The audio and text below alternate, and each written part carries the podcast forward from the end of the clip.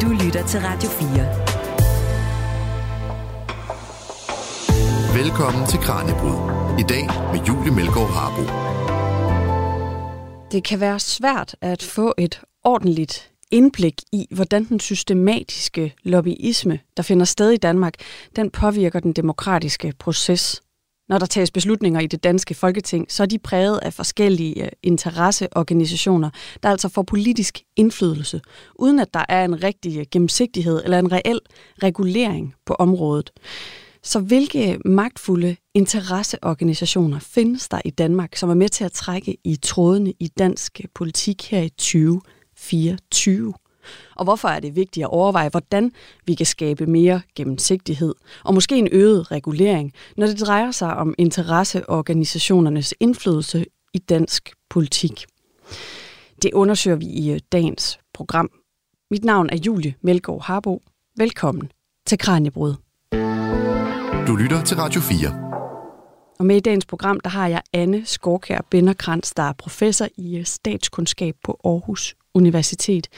Og Anne, måske vi skal starte med at dykke ned i, hvem det faktisk er, vi øh, taler om, når vi taler om lobbyisme i øh, Danmark. Altså, i Danmark, der taler vi i høj grad om, man kan sige, sådan klassiske interesseorganisationer. Og det betyder, at det er øh, forskellige former for foreninger, øh, sammenslutninger og folk, der er gået sammen for at arbejde for et fælles formål.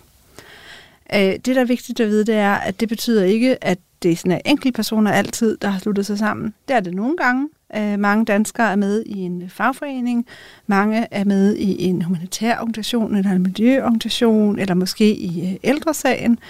Øh, det er sådan foreninger af enkeltpersoner. Men mange interesseorganisationerne er også virksomheder, der har sluttet sig sammen, økonomiske organisationer, og så sådan noget som øh, KL og Danske Regioner, som jo faktisk er interesseorganisationer, men hvor medlemmerne er offentlige myndigheder. Så det er, sådan, det er dem, der fylder mest i Danmark. Det er dem, der altid har fyldt mest. Det er de her klassiske foreninger. Det dækker jo utrolig bredt. Ja, det gør det. Det er helt vildt mange. Og nogle af dem er så større end andre, og det skal vi også tale lidt om senere, hvem der sådan ligesom fylder mest i det her billede. Men hvilken rolle, altså hvor stor en rolle spiller de her mere professionelle lobbyfirmaer øh, i det her billede? Hvis du har spurgt mig for 20 år siden, så ville jeg have sagt øh, stort set ingen rolle. Og så der var det sådan, i Danmark i hvert fald, at det var organisationerne selv, der stod for lobbyisme. Det var organisationerne, der havde deres egne ansatte, deres medlemmer, øh, formænd og sekretariater. Det var dem, der lavede lobbyisme. Det, der så skete de sidste partier, det er, at de her lobbyfirmaer har været i vækst. Det er ikke sådan, at de spiller de spiller langt fra lige så stor en rolle som de klassiske organisationer, men de spiller en større rolle. Øh, og det er jo sådan nogle lobbyfirmaer, som man kan sige, øh, ikke selv har en politisk dagsorden, men arbejder for nogen, der har en dagsorden. Øh, det kan være enkelte kommuner. Øh, for eksempel er der mange kommuner, som faktisk lobbyer for at påvirke statens beslutninger. Øh, når der skal flyttes offentlige opgaver ud i landet, så er der mange kommuner, der gerne vil have, der kommer noget til deres kommune, og så kan man hyre sådan en lobbybureau til at hjælpe med det. Det er også noget, som private virksomheder gør.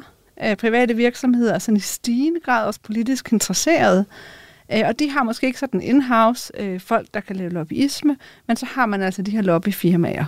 Så det er altså noget, der har været en, en voldsom udvikling hen over de sidste øh, årtier. Men når det er private virksomheder, så er det vel mere de store af slagsen, der faktisk har råd til at, til at ansætte et lobbyfirma? Altså, helt klart. Altså, jo større virksomhed det er, jo mere øh, er de selv aktive, faktisk, øh, virksomheden, og jo mere bruger de også private lobbyfirmaer. Øh, jeg lavede en, øh, en spørgeskemaundersøgelse øh, sidste forår, øh, hvor jeg sammen med nogle kolleger sendte et spørgeskema ud til, de præde, til virksomhederne i Danmark. Og det er faktisk sådan, at de fleste virksomheder er ikke aktive. Men der er nogen, der er, og dem, der er, det er dem, der sådan har, er i, i man kan sige, top 100 eller top 500 af de største virksomheder i Danmark. Og hvorfor, hvilke forklaringer er der på, at vi har set den her udvikling? Du siger, hvis man har spurgt dig for 20 år siden, så vil du ikke sige, at de her professionelle lobbyfirmaer vil spille en, en reel rolle. Hvorfor har vi set den her udvikling? Altså, det er svært at pege på bare én ting, der har gjort det. Noget, altså det, det første, man kan sige, er måske, at politik er blevet mere professionaliseret hele vejen igennem. Så vi har fået de her lobbyfirmaer. Det er jo sådan en type af professionelle. Partierne har udbygget deres sekretariater der er flere professionelle medarbejdere der. Ministerne har fået flere særlige rådgivere. Det er professionelle medarbejdere, der arbejder med politik. De klassiske interesseorganisationer har også flere og flere ansatte. Så der er simpelthen øh, sådan over en bred kamp, at der bare mange flere mennesker, der arbejder med interessevaretagelse i dag. Så det er sådan en del af en generel trend. Øh, og noget af trenden handler om, hvad der er sket i politik, øh, hvad der er sket i medierne, at medierne er begyndt at betyde mere, øh, så de her forskellige aktører også er mere opmærksomme på at komme i medierne. Og det gør man bedre, hvis man har nogle professionelle kommunikationsfolk, som kan hjælpe med det. Så det er sådan en del af sådan en, en helt generel øh, professionalisering af politik. Mm. Hvilken rolle spiller det for det her billede og for interesseorganisationernes rolle, øh, for lobbyismens rolle i Danmark, at medierne har ændret sig på den måde, de har? Jeg tror, man kan se, man kan se det på den måde, at der er sådan en slags lag på lag logik. Altså den måde, som man sådan, igen, for 20 år siden, ikke, øh, den måde indflydelsen rigtig tit foregik på der, det var, at de store organisationer havde tæt kontakt til embedsværket. Den kontakt er der stadigvæk. Folketinget er så begyndt at fylde mere. Politiske kontakter er begyndt at fylde mere. Det kommer ligesom ovenpå. Så kom der ovenpå det her med også at være i de klassiske medier, øh, journalistiske medier at det skal man ligesom også gøre. Og som siger, det her sociale medier, det er så måske ligesom det sidste skud ovenpå at sige, nu er det også blevet vigtigt, at man er på de sociale medier. Og det er ikke, man kan tænke, at sociale medier, det er sådan noget, der ligesom giver alle en mulighed for at være til stede, og det sådan kan være demokratiserende. Og i princippet er det også rigtigt, men for at få gennemslagskraft på sociale medier, der kræver det faktisk også professionalisme. Det vil sige, de organisationer, som har en god stab af folk, der kan sidde og holde med, følge med i udviklingen, følge med i, hvad det er for nogle debatter, der er, og ligesom koble sig på dem. De får også større gennemslagskraft øh, på sociale medier. Ja, og dem, der i forvejen måske har en hel stab af kommunikationsfolk, der kan sørge for at lave noget godt indhold til ja, dem. Ja, lige præcis. Det er ligesom det, er det med ressourcer. Det er altså noget, der betyder noget på alle de arenaer, man kan prøve at få indflydelse. Og det er ikke, fordi det lige pludselig betyder mindre, fordi medierne har ændret sig på den her måde. Det betyder Nej lige så meget, eller mere måske? Det betyder lige så meget, og man kan sige, hvis man så skal være på mange arenaer, så skal man jo have endnu flere professionelle folk, der kan hjælpe med det. Så det er også en del af den her udvikling, at der kommer sådan en, flere og flere opgaver for organisationerne, og dermed flere og flere opgaver, hvor man simpelthen står bedre, hvis man har nogle, øh, nogle dygtige professionelle medarbejdere. Er der nogle eksempler, hvor det her er blevet tydeligt, altså hvor man kan se, at den måde, man så skal være til stede på, øh, på de nyere medier, øh, har lukket nogen ude, eller ligesom har løftet nogen op af de her organisationer? Altså, der tror jeg, vi kommer nogle eksempler, som måske, øh, som måske går lidt i en anden retning. Altså, fordi de klassiske organisationer, de kan gøre det, og de er der, og det er også dem, der med ressourcerne, der sådan på den lange bane har den største gennemslagskraft. Men det, man også har kunne se, det er, at der er faktisk nogle initiativer sådan lidt uden for organisationerne, Øh, sådan noget som øh, for en forældrebevægelsen, dem der hedder, hvor der er en voksen, mm. og en million stemmer, mener jeg, de hedder, som, som arbejdede for børn med handicap. Øh, og det er jo så nogle, nogle græsrodsinitiativer, der kommer lidt uden for de etablerede. Ja. Øh, så det, det er egentlig trods alt noget, hvor, hvor det her med de sociale medier og det, man kan nå folk på en anden måde, giver nogle muligheder til nogle nye grupper. Og for eksempel den gruppe, hvor, hvor der er en voksen, det var dem, der kæmpede for bedre normeringer i daginstitutionerne ja, rundt omkring i landet. Øh, og for bedre, bedre vilkår for, vi, for pædagogerne, bedre højere løn, tror jeg også. Var der, så man, at det havde en reel effekt i det politiske liv? Fordi jeg kan da godt huske, at det blev i den grad dækket, og alle talte ligesom om det, men, men så vi faktisk, at der skete noget på grund af det her. Rykkede det på noget som helst? Altså, man kan sige, det er jo vældig svært at svare på præcis, hvad der har en effekt.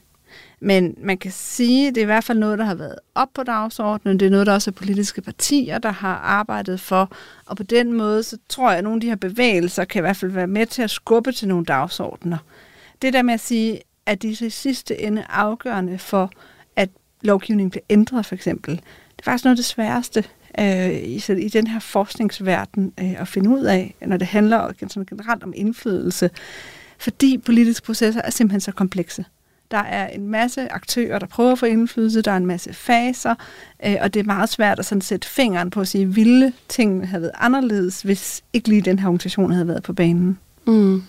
Ja, og det kunne jeg faktisk godt tænke mig at spørge mere ind til, fordi det er nemlig svært at, at undersøge, hvordan den her indflydelse faktisk ser ud, også for de her øh, lobbyorganisationer. Hvordan forsøger man så? Hvordan forsøger du og andre forskere inden for det her felt faktisk at kortlægge nogle af de her ting og under, undersøge den her indflydelse? Noget af det, vi har gjort meget, det er at man kan sige, træde et skridt tilbage og sige, okay, det kan være svært at studere indflydelse. Grunden til, at det kan være så svært at studere indflydelse, det er fordi politiske processer er komplekse, men det er også fordi, at indflydelsen er størst der, hvor det er sværest at se den. Hvad mener altså, du med det? Jeg mener, at hvis man gerne vil have indflydelse, så kan det være vigtigt at være tidligt på banen, have kontakter til embedsfolk eller politikere, så man er tidligt med i processerne. Men det er jo typisk på et tidspunkt, hvor der ikke er så meget opmærksomhed omkring det, og hvor der heller ikke er sådan en specielt øh, særlig god adgang til at få dokumenter at se, for eksempel. Ikke? Og indflydelse sker nok også typisk i mere uformelle kontakter, snarere end i mere formelle kontakter. Og igen kan man sige, det er svært at afdække uformelle kontakter. Øh, I Danmark ved vi for eksempel ikke engang, hvem vores politikere mødes med. Øh, så det, det er nogle grunde til, at det er svært. Og så spurgte du, hvad gør vi så? Og noget af det, vi har gjort, det er at sige, lad os så kigge på adgang til politik i stedet for. Fordi for at få indflydelse, så skal man på en eller anden måde have adgang. Og adgang kan være, at det lykkes at komme i medierne, at der faktisk er nogle, nogle aviser, der skriver om ens historier. Det kan være, at det lykkes at komme med i offentlig råd nævn.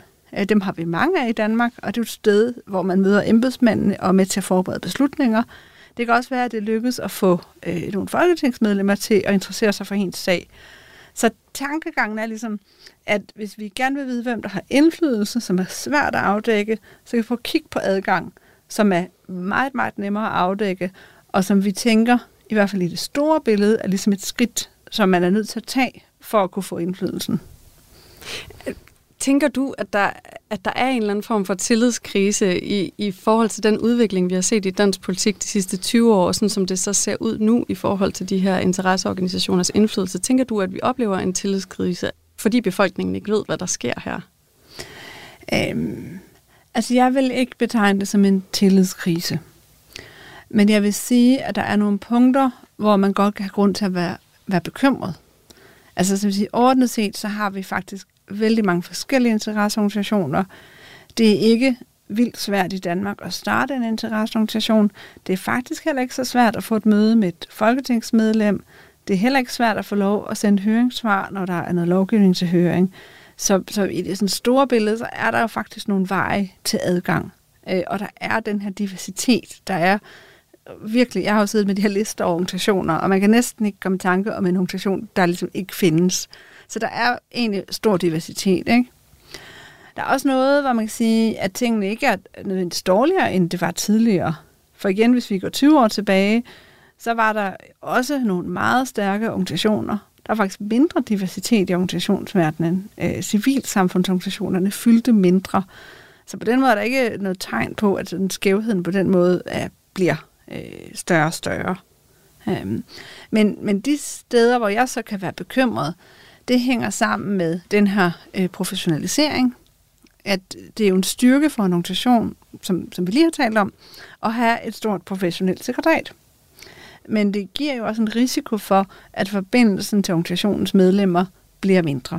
Mm. Og organisationernes funktion, sådan, hvis vi kigger på det demokratisk set, så er det jo at være sådan en kanal, hvor øh, skolelærere eller folk, der bekymrer sig om dyrevelfærd eller virksomheden en bestemt branche, ligesom kan få deres interesser videreført ind i systemet. Det er jo sådan den demokratiske funktion. Det har været den her kanal, mm. der forbinder medlemmerne med vores politiske system. Men når man så får en voldsom professionalisering, så kan det link blive svagere. Altså så kan det være, at det i højere grad bliver nogle professionelle på et sekretariat, der er med til at definere, hvad skal den her organisation arbejde med, hvad, hvad er de vigtige linjen? spørgsmål, ja. hvad er linjen på de spørgsmål, og så kan medlemmerne måske opleve, at de bliver dårligere repræsenteret.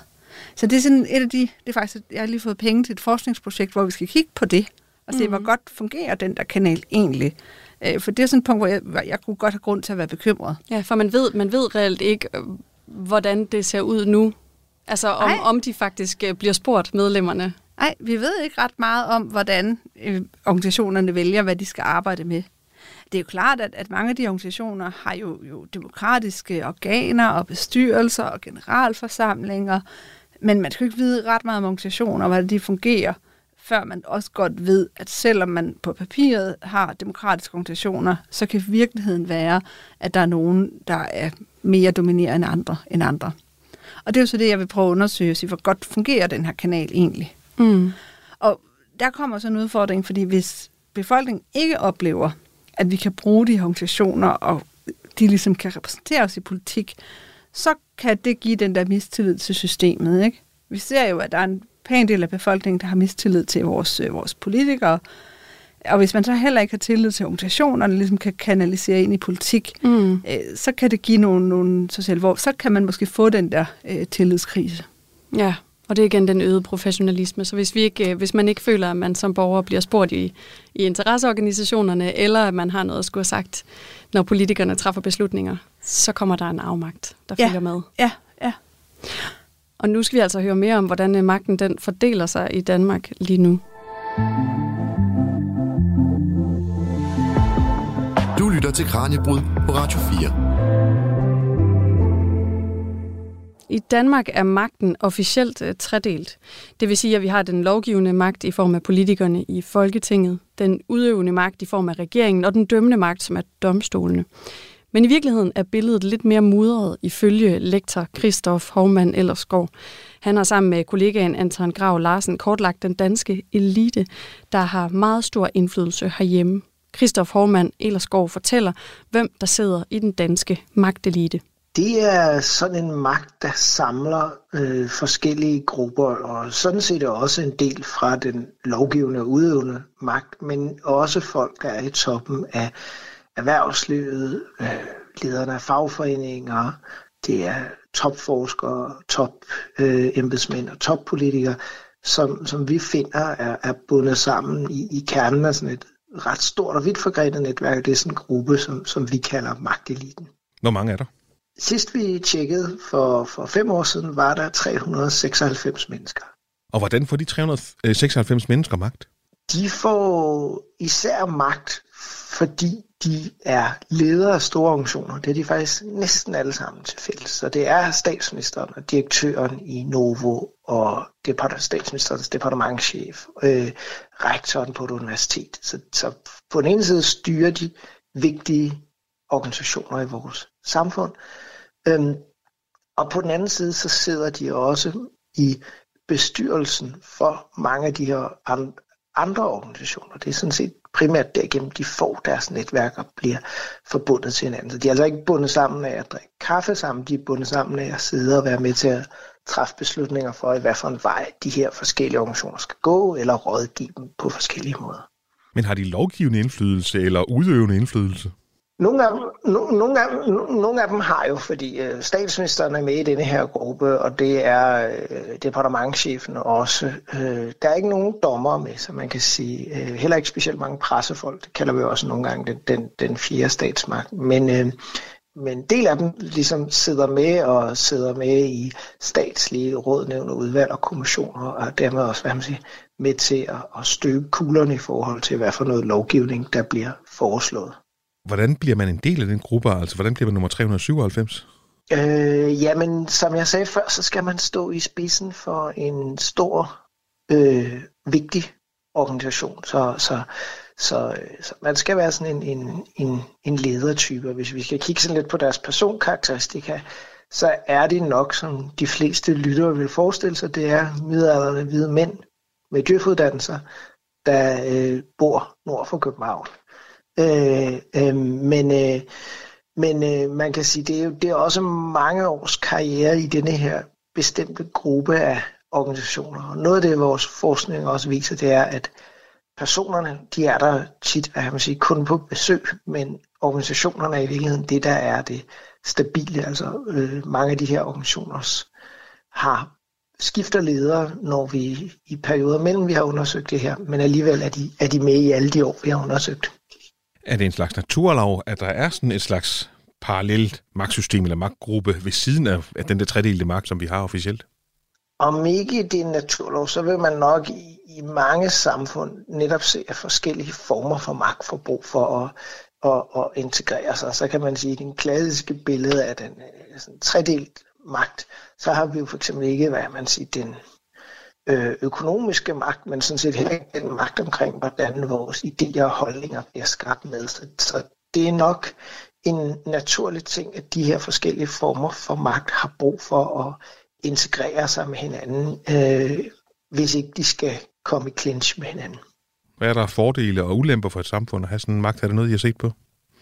Det er jo, vi, vi har jo ikke, øh, det er svært at kigge på sådan helt konkret at sige, øh, og med et, med et, hvad man siger, sætte to streger under. Det her er fordele og ulemper. Men altså, fordelene ved at magt er integreret, det er jo, at netop når der så er konflikter mellem forskellige grupper, så bliver de som regel løst øhm, relativt fredeligt. Det vil sige, at vi har ikke borgerkrig eller lignende. Vi på en eller anden måde bliver tingene håndteret øh, internt i, i denne her gruppe. Ulemperne kan være jo for dem, der ikke er repræsenteret af nogen i de her grupper, øh, øh, at, at så er der ikke særlig mange, der taler deres sag. De er givet lidt ud af fokus.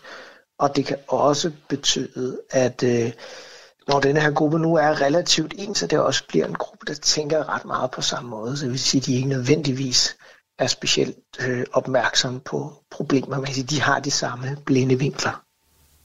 Det fortalte lektor Christoph Hovmann Ellerskov til min kollega Kasper Fris. Det her er Kranjebrud på Radio 4. Mit navn er Julie Melgaard Harbo, og med i dagens Kranjebrud er Anne Skorkær Binderkrantz, der er professor i statskundskab på Aarhus Universitet. Og nu skal det altså handle om, hvilke magtfulde interesseorganisationer vi faktisk ved noget om her i Danmark, øh, og hvor meget vi ved om det præg, de sætter på, på de beslutninger, der bliver taget. Og Anne, altså jeg, jeg kommer med det samme til at tænke på, øh, på det danske landbrugs interesseorganisation, når vi snakker om, øh, hvem der ligesom fylder. For de fylder meget i den offentlige samtale i de her år, fordi vi taler meget om miljøforurening, og vi taler meget om, om vi kan få indført klimaafgifter og mindske det danske aftryk. Så de fylder ligesom meget i den offentlige samtale, og derfor er det dem, jeg med det samme tænker på, når jeg tænker på, hvem der må have magt. Men har landbrugslobbyen, øh, som man kan have et indtryk af, overhovedet så stor indflydelse i Danmark? Altså, det korte svar er, ja, det har de. Altså, fordi det er jo, Landbrug og Fødevare er sådan en, et eksempel på en organisation, som, som er på mange forskellige arenaer.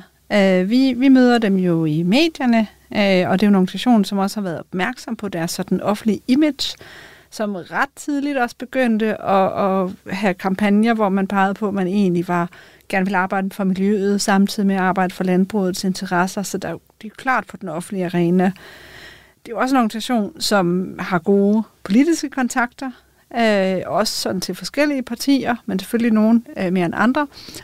Og så er det en organisation, som traditionelt set og stadigvæk sidder med os i massevis af råd og nævn og har pladser der. Så det er ligesom en organisation, som er stærk, professionel og som vi finder på alle arenaer.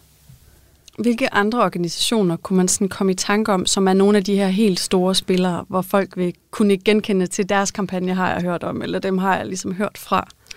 Altså det er, det er meget sådan de store økonomiske organisationer. De store erhvervsinteresser, øh, Dansk Industri for eksempel, øh, fagbevægelsen med FH, Øh, de kommunale interesser, især øh, KL, kommunernes interesseorganisation, fylder rigtig meget. Så det er altså sådan gamle. Nogle af dem er selvfølgelig så fusioneret og ændret navn undervejs. FH er jo ikke så gammel under navnet FH, men hed LH, LO tidligere. Men det er nogen, der har været med øh, rigtig længe. Vi lavede faktisk øh, i et projekt, jeg, jeg lavede for nogle år siden, øh, sammen med Peter Christiansen og Helene Helbo Pedersen, der prøvede vi at se, se, se, om vi kunne finde sådan helt bredt, hvem havde adgang til politik. Mm. Vi kiggede på, hvem havde været i medierne, vi kiggede på, hvem sidder med et råd nævn, hvem har været i kontakt med Folketinget, som jeg talte om før, det her med at prøve at kigge på adgang. Ikke? Mm. Og så kan man sige sådan, man sige, hvis vi nu lagde alle de der adgangspunkter punkter i tre lige store bunker, mm. så kunne forestille sig det. Ikke? Vi har registreret en masse adgang, og så prøver vi at dele det op i tre bunker. Og så skal lige tænke på, vores bedste bud er, at der er omkring 1700 organisationer i Danmark. Ikke? Ja, det er en mundfuld. Det er en mundfuld. Der er temmelig mange. Ni organisationer delte som den første bunke. Ikke? Så ni organisationer, blandt andet dem, jeg lige har nævnt, de havde en tredjedel af al adgang på tværs af de her arenaer. Af alle tre arenaer? Ja, okay. ja vi lagde det ligesom i, yes, vi samlede yes. det hele I puljet og så, og puljet. hvem er i alle tre? Ja, og der eller, var ni, ja. der dukkede op som dem, der var gengangere. Der var ni, der dukkede op. Nej, der var mange, der var i alle tre. Men hvis man ligesom tog, vi havde måske fundet, hvad, hvad skal jeg sige, 4.000 gange nogen havde adgang, ikke? Mm. En tredjedel af alle de gange, der var det en af de ni organisationer, der havde adgangen. Yes. Den anden tredjedel af al den adgang, det var der 100 organisationer, der deltes om. Mm. Og den sidste tredjedel deltes resten om. Bortset fra, der var nogen, der aldrig dukkede op mm. nogen steder. Ikke? Så det siger lidt om, hvor skævt det er. At der er simpelthen nogle sværvægtere, som vi hører om hele tiden, og som har nem adgang til medierne, og som har nem politisk adgang, som sidder med i rådet og nævn. Og så er der en kreds af sådan nogle, øh, der er lidt i periferien, men som sådan har pæn adgang, og så er der virkelig mange organisationer, som har meget lidt eller slet ingen politisk adgang. Men for eksempel, hvilke organisationer, der har adgang til medierne, det bærer vel præg af noget andet, end hvilke, der har adgang til politikerne. Fordi jeg tænker, at grunden til, at vi taler så meget om landbrug og fødevare i medierne lige for tiden, det er jo fordi, man generelt taler så meget om klima og klimaafgifter. Øh, så man, man forsøger ligesom at holde dem til regnskab for, hvad vi skal gøre. Det er vel også fordi, de så faktisk har en sag, der er lidt, øh, lidt svær i medierne, at de bliver bedt om hele tiden at skulle, skulle forsvare sig. Ja, det er klart, at den dagsorden, der er i medierne, har selvfølgelig noget at sige for, hvem man hører man om. Men i virkeligheden er det faktisk, sådan, det helt store billede er faktisk en lille smule omvendt. Fordi der er det, hvis, du, hvis du, man kan sådan sige, der er nogle insider-arenaer, der hvor man taler med embedsmændene og bliver inviteret med i råd nævn og sender høringssvar. Det kan man sige, det er sådan lidt insider. Og så er der noget med outsider-arena, hvor man siger, det er for eksempel at være i medierne. Mm. Der er det faktisk, de økonomiske organisationer står relativt stærkere i sådan insider-arenaer. Det er dem, der oftest har en tæt kontakt til embedsmænd. Men civilsamfundsorganisationerne, det er sådan nogle som Danmarks Naturfredningsforening, eller Ældresagen, eller Patientforeninger. De står faktisk normalt stærkere i medierne, end de gør sådan i insider-arenaen. Og det er jo noget med, dels som du siger, hvad er det for nogle sager, der er oppe, hvad er det, man arbejder med, men det er jo også noget med, at nogle af de organisationer, de repræsenterer noget, som, som appellerer lidt til os alle sammen. Altså det her med miljø og klima og humanitære spørgsmål og sociale spørgsmål og hvordan vores ældre øh, bliver behandlet, det er noget, som, som har sådan en vis appel til os alle sammen. Mm. Og det er en af grundene til, at den, de organisationer også altså har det lettere faktisk ved at komme i medierne, end de har det med at komme sådan ind i den tidlige lovforberedelse eller have kontakt til embedsmændene. Ja, for jeg kommer til at tænke på, om nu, nu nævner du her, at der er ni organisationer, som, som gik igen her, som nogle af dem, der fik mest ligesom, taletid, både i medierne og, øh, og inde hos politikerne. Kan man se, at deres sager er nogen, som, øh, som, som man så også som politiker har, har taget op? Altså er det nogle sager, som vi typisk taler om i dansk politik? De sager, som de varetager, de her ni organisationer? Altså det, der kendetegner dem, det er, at de arbejder med rigtig mange sager.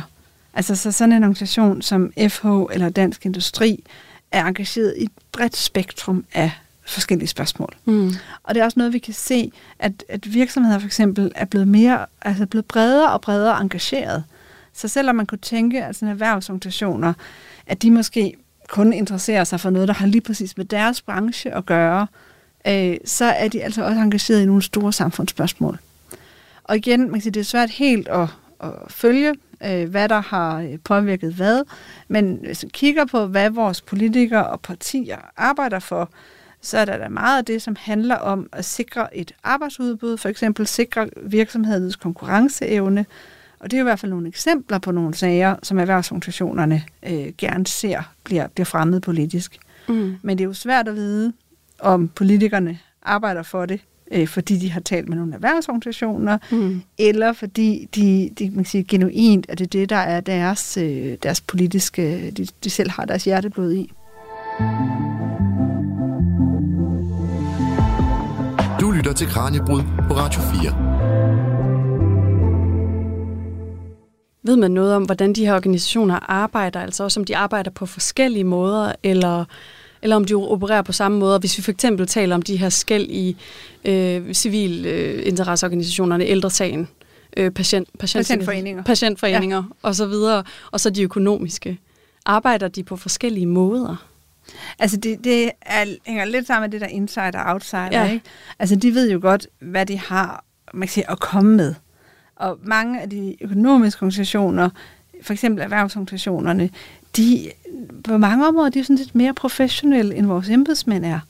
Altså hvis man kigger på igen de store landbrugsorganisationer, så ved de mere konkret om tekniske detaljer i, hvordan noget regulering af en bestemt sektor i landbruget vil virke, end man måske gør hos embedsmændene.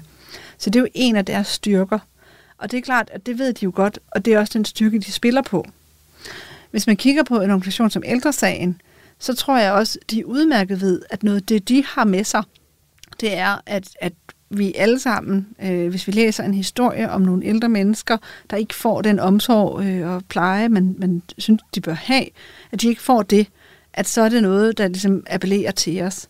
Øh, og derfor ved de jo også godt, at det er vigtigt at komme ud med nogle, nogle udadvendte historier og komme i medierne, måske få nogle partipolitiske vinkler ind og få, øh, få den kontakt ind til vores, øh, vores folketing. Christoph Hormann Ellersgaard, han talte om før, at der er mange af de her magtfulde personer i Danmark, altså både toppolitikere og dem fra interesseorganisationerne, der har det til fælles, at det primært er hvide mænd, og mange af dem har en, en djøf-uddannelse. Øh, har de danske politikers baggrund, altså både uddannelsesmæssigt og arbejdsmæssigt, nogen betydning i den her sammenhæng? Altså ved, ved man, øh, hvordan samarbejdet med interesseorganisationerne varetages, og hvor meget af en indflydelse det så har, hvilken baggrund de har, de her mennesker, der mm. faktisk sidder? Altså, vi ved ikke, om baggrund betyder noget, eller hvordan det betyder noget. Men det vi ved, det er, at de her grupper ligner hinanden. Altså dem, der sidder og interagerer med hinanden på forskellige sider af et, af et mødebord, ligner i stigende grad hinanden.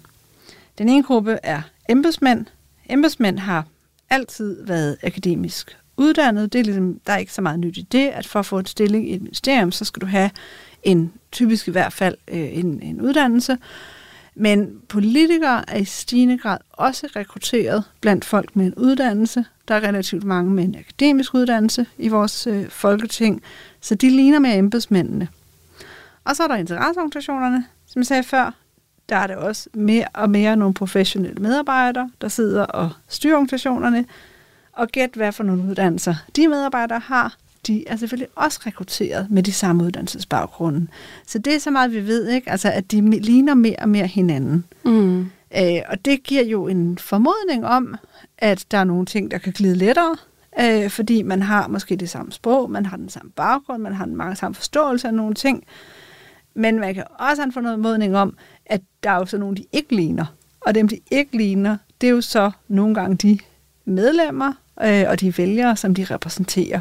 Så det kan jo give sådan en, et lille system for sig selv, hvor, hvor man kan måske spænde sig lidt ind i, at man har den samme uddannelse, ser tingene på samme måde, men måske også få en distance ind til, til dem, man faktisk skal repræsentere.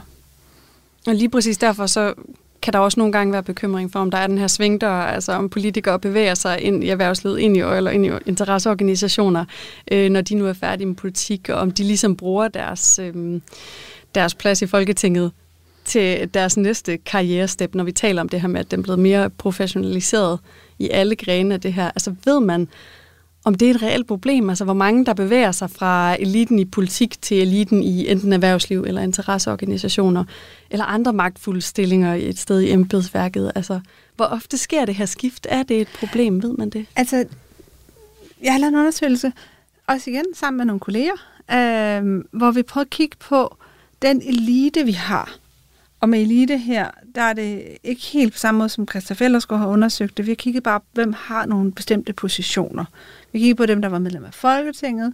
Vi kiggede på dem, der havde øh, topstillinger i organisationer og topstillinger i ministerierne. Og så kiggede på, hvor mange af dem har haft en eliteposition et andet sted før. Og vi blev faktisk overrasket over, hvor få det var. Der er ret få, som på den måde springer fra en eliteposition til den anden. Dem, der er flest af, det er nogen, der kommer fra en post i et ministerium ud som direktør i en interesseorganisation. Der så vi nogle spring, hvor man måske havde været kontorchef på et område, og så kom ud og blev direktør i en interesseorganisation. Men på det der, man, man siger, når minister eller folketingsmedlemmer tager springet, så tror jeg, det er sådan, vi alle sammen hører om.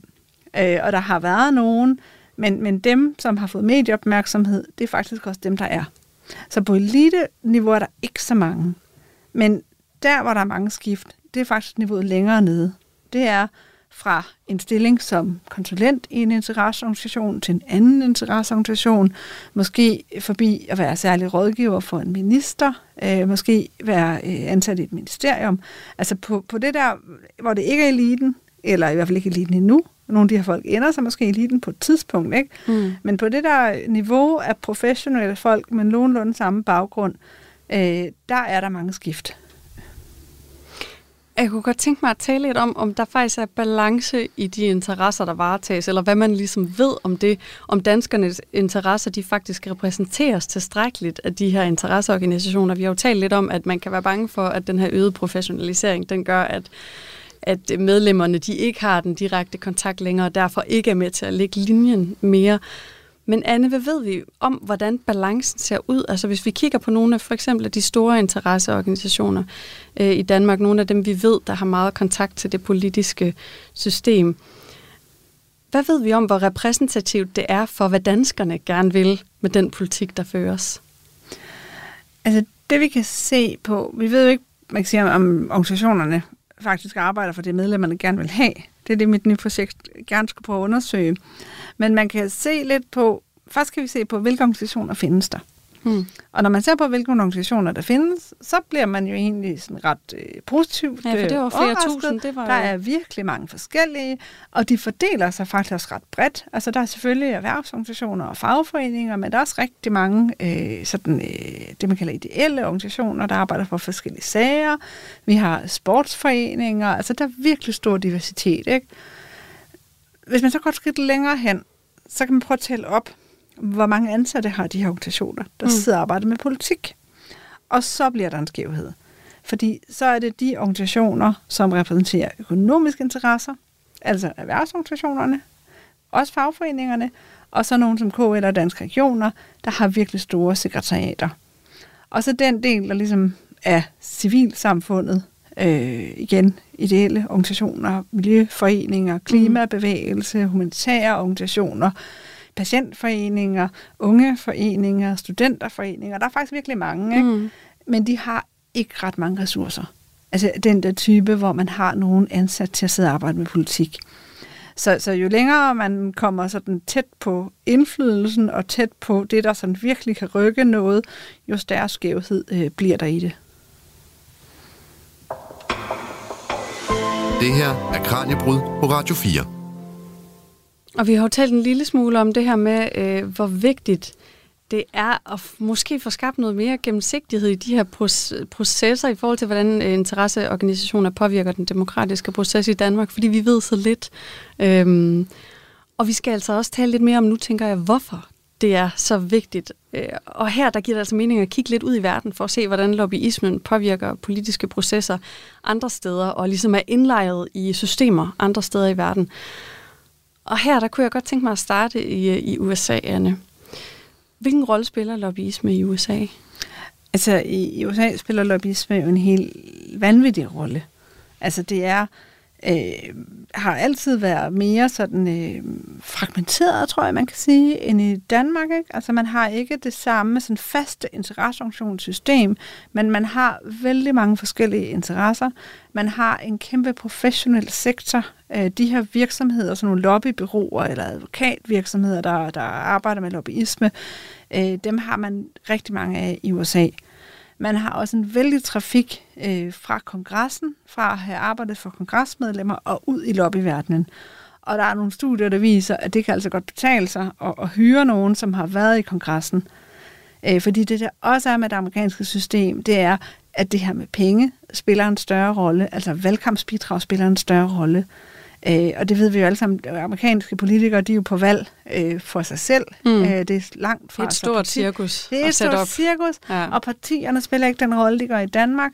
Øh, så alle, der gerne vil, vil stille op til kongressen mm. i USA, har brug for øh, voldsom finansiering, og der er altså en, en kæmpe lobbyisme, hvor, hvor penge så også kommer til at spille øh, en stor rolle. Hvilke store organisationer er der her, som man måske kan komme i tanke om, som fylder utrolig meget i, i, i, det politiske system i USA, Et og som har, meget skulle, som har meget skulle have sagt, som sætter en dagsorden på en Altså eller man kan sige, jeg vil sige, at jeg er ikke ekspert i det, det Nej. amerikanske system, øh, men, men våbenlobbyen for eksempel har klart jo en væsentlig rolle og har også giver politiske bidrag til rigtig mange, øh, til rigtig mange politikere. Øh, og det skal man jo heller ikke være ret meget ekspert i amerikansk politik for at tænke, at det nok også har en indflydelse på øh, den manglende regulering øh, af våbenområdet, man har. Og det er måske også et godt eksempel på, hvordan, hvordan en ting er øh, sådan græsrodsbevægelser. Vi talte tidligere om i Danmark, der havde man haft den her, hvor er der en voksen, hvor, hvor, hvor utrolig mange forældre har været på gaderne for at få, få bedre nummeringer i daginstitutionerne. At i USA har der jo i mange, mange år været kæmpe demonstrationer øh, for noget mere våben lovgivning, noget mere regulering på området. Men der sker ligesom ingenting. De bliver ved med at have skoleskyderier utrolig mange gange hvert år, på trods af en kæmpe græsrodsorganisation. Ja. Så der kan man virkelig se, at det fylder meget, det her. Ja, ja. Og når man sammenligner med, med USA, så, så bliver man jo glad for det, det danske system, altså både at, at økonomiske midler ikke spiller så stor en rolle, at vi har et relativt velordnet system, at vi har nogle, nogle politikere, hvor det faktisk ikke er så svært, som jeg også sagde tidligere, at få lov at få et møde med en politisk ordfører. Mm. Så på den måde kan man sige, øh, man kan godt pege på, at der er nogle træk ved det danske system, man kan være bekymret for, men, men i den der sammenligning, så, så ved jeg klart, øh, hvad jeg vil foretrække. Er der ingen regulering på det her område i, i den måde, det fungerer på i USA? Jo, altså det er så der, hvor man kan se amerikanerne længere fremme. Altså der er faktisk temmelig meget regulering. Øh, de har noget, der hedder sådan noget Lobby Disclosure Act. Og det betyder, at man faktisk skal, øh, hvis man lobbyer kongressen på nogle bestemte øh, områder, så skal man faktisk oplyse det. Øh, og der er faktisk rigtig mange lande, som er længere frem end Danmark.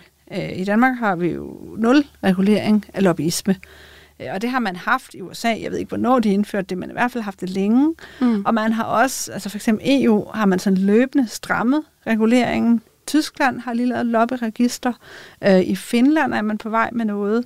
Øh, så der kan man sige, der kan vi jo så måske godt kigge til udlandet og se, var det måske også en god grund, eller på tide at få, få lavet noget regulering øh, i Danmark. Altså, hvad har holdningen til regulering været her i Danmark, når det sådan ligesom er noget, der er blevet bragt op? Hvorfor er det ikke noget, vi har? Jeg tror, altså, igen, øh, hvis du har spurgt mig for 20 år siden, så jeg, tror jeg faktisk, jeg ville have sagt, vi behøver ikke lobbyregulering i Danmark, fordi det er så velorganiseret. Fordi det er ret klart, hvilke organisationer, der arbejder for hvilke interesser. Der er, en vis, der er faktisk en vis transparens i det. Men det, som så ændrer sig, det er, at der er kommet mange flere nye aktører på banen. Vi har fået de her lobbyfirmaer, som spiller en rolle. Det er blevet sværere at gennemskue. Øh, som siger, det er sådan set grund til, at jeg selv nu øh, tænker, at det ville være en gevinst for vores demokrati øh, med, med noget lobbyregulering. Og det kan jeg forestille mig, at, at andre har tænkt på samme måde. Men det andet er jo, at dem, der skal indføre lobbyregulering, er vores folketing. Og noget af det, som sådan noget lobbyregulering kunne medføre, det var jo for eksempel åbenhed om, hvem vores øh, partier og øh, folketingsmedlemmer mødes med, hvad for nogle kontakter de har. Og det kan man sige, det er jo sådan en regulering, der rammer dem selv øh, også. Øh, og det kan jo også være en grund til, at man siger, at de vil gerne bevare en, en fortrolighed og en lukkethed omkring det, øh, snarere end at, øh, at lave øh, noget regulering af det. Hvad er det for en regulering, man har lavet i EU for nylig? Altså EU har, det, det, det er sådan set ikke, ikke sådan helt for nyligt, men man har løbende sådan strappet op. Mm. Øh, man, man startede med at have sådan noget doorpass-register til Europaparlamentet, at hvis man gerne ville, ville, ville ind og mødes med parlamentarikere, så skulle man registrere det. I dag har man sådan et online-register, øh, hvor, hvor hvem som helst kan slå op, øh, og så kan man slå op, hvad er det for nogle organisationer, der, der prøver at, at lobby i EU-systemet. Øh, og der kan man faktisk også finde oplysninger om øh, noget, i hvert fald noget af det, de mødeaktiviteter, organisationerne har. Hvem har de faktisk mødtes med? Øh, hvor har de siddet med? Og der er nogle oplysninger om organisationerne. Så der er sådan set et, et, et åbent åbenhedsregister, øh, der kan give alle øh, en vis indsigt. Vil det være nemt at indføre det her i Danmark? Altså, hvorfor er der sådan en modstand på det?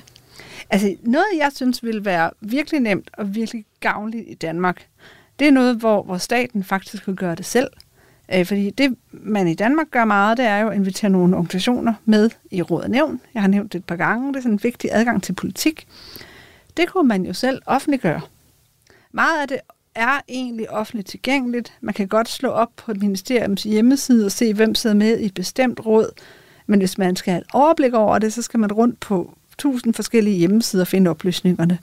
Det kunne man jo godt vælge at sige, det samler vi på øh, en hjemmeside, og så kan alle se, hvem vi inviterer med, øh, med omkring, øh, når, når vi har nedsat råd og nævn.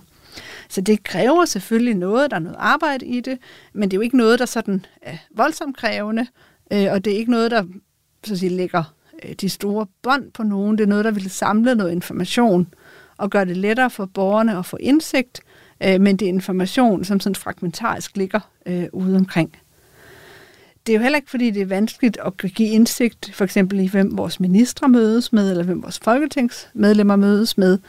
Så der er selvfølgelig noget i det. Øh, det er jo ikke, fordi det bare lige med snuptag gøres, men det er jo heller ikke noget sammenligning med, hvad man ellers øh, træffer af beslutninger, og hvad de kræver af implementering. Øh, så er det jo ikke en stor, vanskelig opgave. Hvad kunne det betyde for at kortlægge denne her indflydelse øh, lidt grundigere? Altså for eksempel, når man løbende har indført mere regulering i EU, og man har en, en, en øh, stor gennemsigtighed i USA, fordi hele lobbybusiness er så stor der. Hvis vi gjorde det samme i Danmark, hvad ville det så betyde for, for måden forskere som, som dig kunne sidde og analysere magten på? Det ville jo betyde, at man løbende kunne følge meget mere med. Altså det kræver selvfølgelig, at man gør det sådan relativt opdateret, at man ikke skal vente et par år for at få oplysningerne. Hvis man gør det og holder det opdateret, så vil forskere som mig, øh, journalister, øh, interesserede borgere, andre foreninger også øh, kunne følge med. Og det er ikke, altså man skal jo ikke øh, stikke sig selv blå i øjnene, fordi det her vil jo heller ikke være en kortlægning af præcis, hvem får indflydelse. Det vil igen være en kortlægning af, hvem er med om bordet, hvem er på banen. Men, men for mig at se, så er det øh, en stor demokratisk styrke, hvis man kan have en transparens i det. Øh, så transparensen i sig selv gør noget, og så kan det blive et redskab for, for forskere, men også et redskab for andre interesser, øh, som måske også kunne have, øh, have lyst til at være med. At hvis man kan se, okay, der er faktisk nogen, der har holdt møder med, med de der folk i den, en anden organisation, så kunne man måske selv også komme på banen og blive opmærksom på, at, at der er en mulighed. Hvad er det, du tænker, vi mangler øh, mere viden om? Du har flere gange nævnt nogle forskningsprojekter, du skal til at have gang i. Altså, hvad er det, du godt kunne tænke dig at undersøge nærmere, hvis vi sådan skal kigge lidt på nogle fremtidsudsigter? Hvad kunne være virkelig spændende at vide mere om i den her sammenhæng?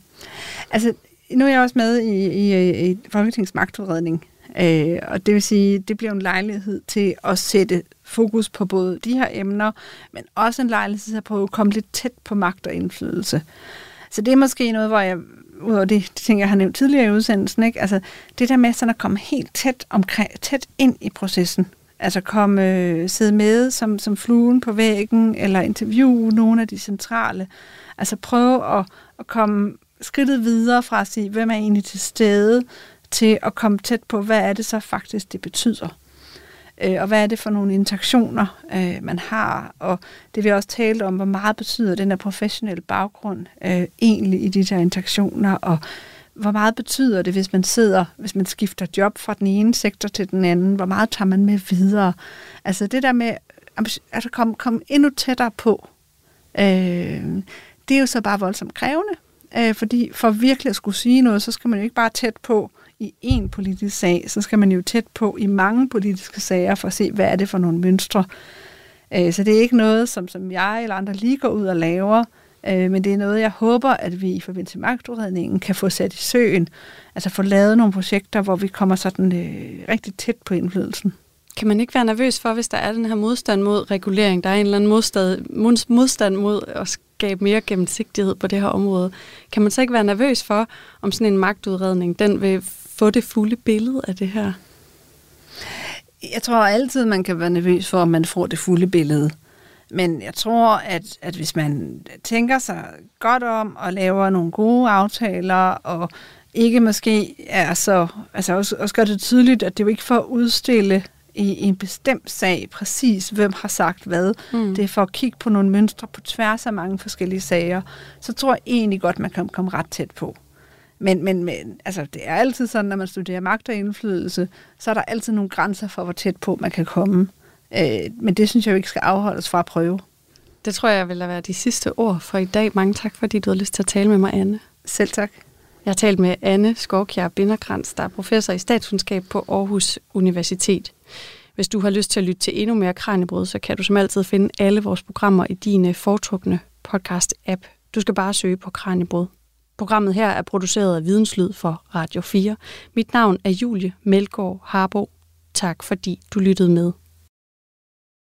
Jeg, jeg ved ikke tal på, hvor mange gange jeg har hørt fra folk, ej, I er bare sådan en power couple. Skilsmisse, livskrise og en familie, der pludselig skal være to. Og I kan bare det hele. Hver uge inviterer Marie Sloma Kvartrup en kendt dansker ud i sin kolonihave til en samtale om knuste hjerter. Og så knækker jeg fuldstændig sammen. Jeg falder til gulvet. Splittede venskaber. Der knækkede filmen. Der kunne jeg ikke mere. Og hvordan man rejser sig og kommer videre. Og det gik jo også op for mig, at alt det, han har bildt mig ind, det er jo en stor fed løgn. Lyt til Skilsmissen i Radio 4's app, eller der, hvor du lytter til podcast.